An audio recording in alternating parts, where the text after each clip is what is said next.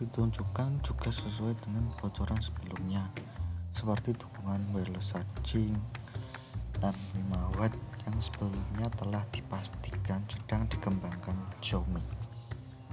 Dengan layar 6,8 inch dan baterai 5000 mAh seperti dilansir dari seperti kutip dari XTI Developer di bagian terdapat modul kamera yang cukup besar mirip seperti Poco M3 Mate 10 Ultra. Terlihat mengusung tiga kamera belakangan terdiri dari kamera utama 50 megapiksel, kamera ultrawide 48 megapiksel, dan kamera telefoto dengan 120 kali hybrid